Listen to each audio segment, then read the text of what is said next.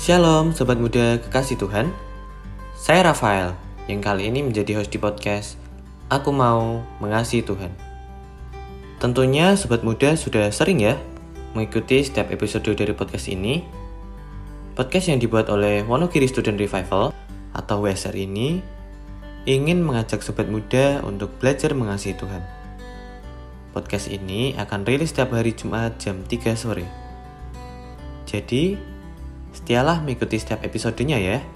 Jangan sampai ada yang terlewatkan. Supaya sobat muda bisa belajar dengan lengkap dan bisa mengalaminya dalam hidup sobat muda semua. Selama bulan Maret ini, kita akan bersama-sama belajar satu tema besar, yaitu belajar dari kitab Yunus.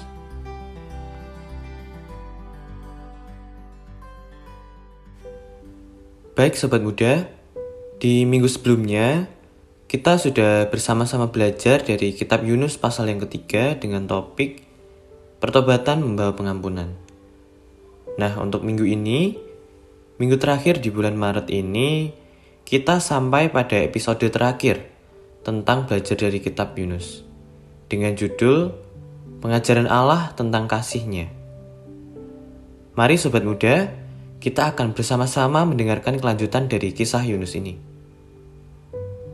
Dan kali ini kita sudah kedatangan tamu yang cukup lama tidak muncul di podcast Aku Mau Mengasihi Tuhan ya. Yaitu Mas Kevas. Halo Mas Kevas, bagaimana kabarnya? Halo juga Rafael. Hahaha, iya ya. Ternyata setelah dipikir-pikir cukup lama juga ya saya nggak muncul di podcast ini. Ya bersyukur sih kabar saya sehat dan baik. Kalau Rafael aman lah ya kabarnya.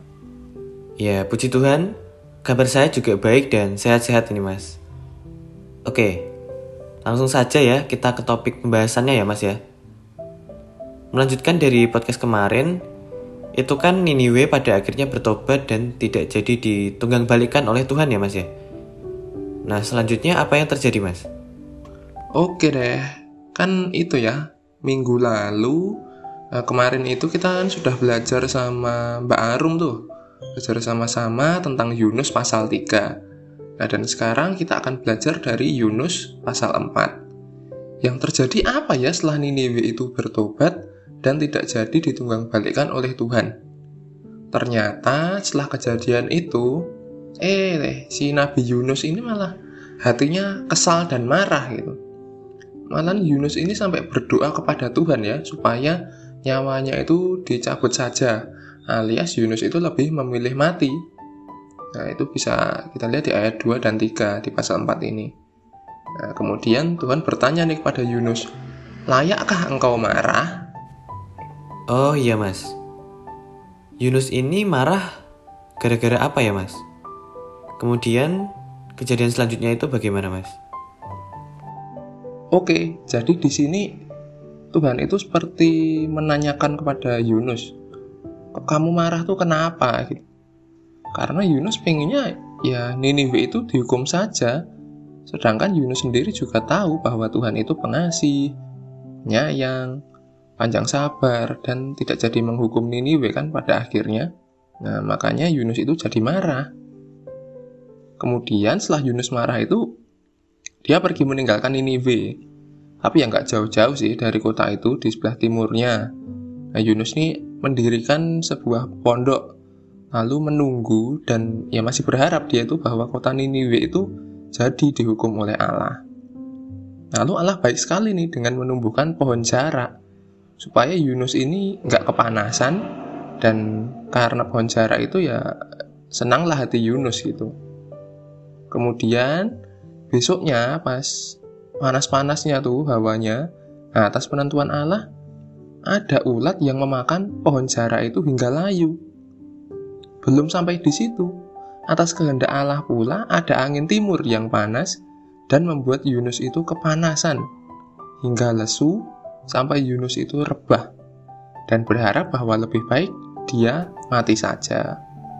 Nah, karena hal itu, Allah kemudian tanya nih pada Yunus, layak nggak sih Yunus itu marah karena pohon jarak yang Allah tumbuhkan itu Nah, si Yunus ini malah jawab, ya memang sudah selayaknya.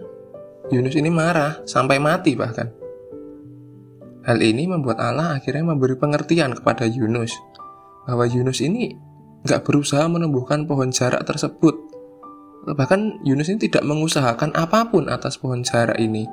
Tapi Yunus sangat sayang kepada pohon tersebut.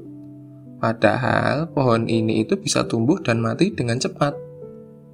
Sedangkan bagaimana Allah nggak akan sayang kepada Niniwe dan orang-orangnya?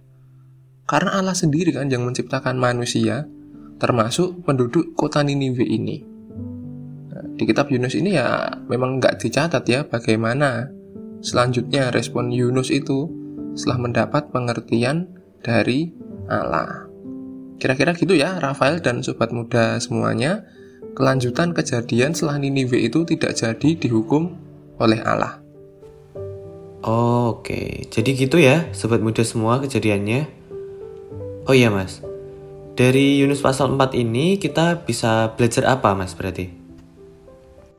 Hmm, dari Yunus pasal 4 ini apa yang bisa kita pelajari? Oke, yang bisa kita pelajari itu ada empat hal. Yang pertama, kemarahan Yunus ini tuh dipicu dari pertobatan bangsa yang berdosa gitu. Bangsa Niniwe ini berdosa lalu bertobat.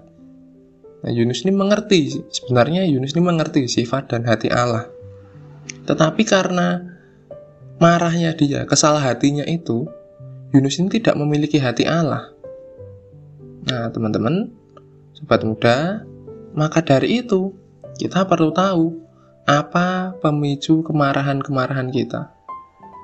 Mari coba kita kenali hal apa saja yang bisa membuat kita itu marah. Lalu pelajaran yang kedua, kemarahan Yunus ini bisa mendorongnya sampai ingin mati gitu. Hal ini karena dengan adanya kemarahan itu, kesalahan hatinya itu membuat kita ataupun Yunus ini fokus dengan diri kita sendiri dan bukan fokus dengan Allah. Kemudian pelajaran yang ketiga, di tengah kekesalan hati Yunus, Allah itu mengajar sekaligus menghibur kekesalan hatinya lewat kejadian sehari-hari. Nah, sobat muda, dari sini yang bisa kita pelajari adalah bahwa Allah itu menghibur kita. Bahkan ketika di tengah kekesalan hati kita, di tengah kemarahan kita, Allah itu menghibur kita.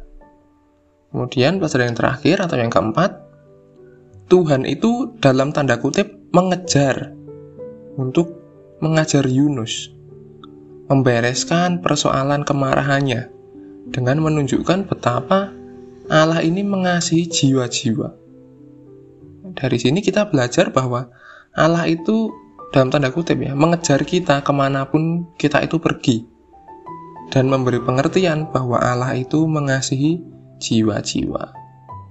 Jadi gitu ya, Rafael dan sobat muda semuanya untuk apa sih yang bisa kita pelajari bersama terkait cerita Yunus di pasal 4 ini? Oh iya, oke Mas Kevas. Dari sini kita melihat bagaimana Allah kita harus berhati-hati terhadap kemarahan kita dan Allah itu menghibur kita serta ingin memberi pengajaran betapa Allah itu mengasihi jiwa-jiwa. Oke, sobat muda semua, kiranya apa yang telah kita dengar dan pelajari hari ini bisa menjadi berkat bagi kita semua dalam menjalani kehidupan kita sehari-hari ya. Terima kasih banyak Mas Kevas atas waktunya dan pelajaran hari ini. Tuhan Yesus memberkati. Terima kasih kembali Rafael. Ya, Tuhan Yesus memberkati Rafael juga ya. Sobat muda semuanya. Sampai jumpa sobat muda di podcast-podcast berikutnya. Dadah.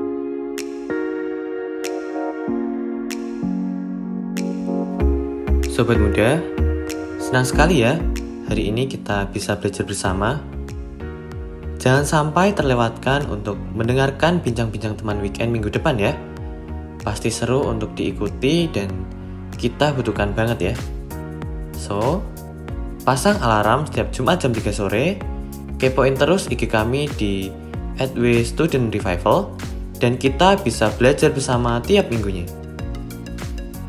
Kalau ada sobat muda yang ingin berdiskusi, bertanya, maupun memberi masukan, Boleh loh Sobat Muda sampaikan kepada kami, bisa lewat IG di @studentrevival atau kontak ke WA pembimbing dan pengurus WSR. Oke, sekian podcast kali ini. Sampai jumpa minggu depan. God bless you all.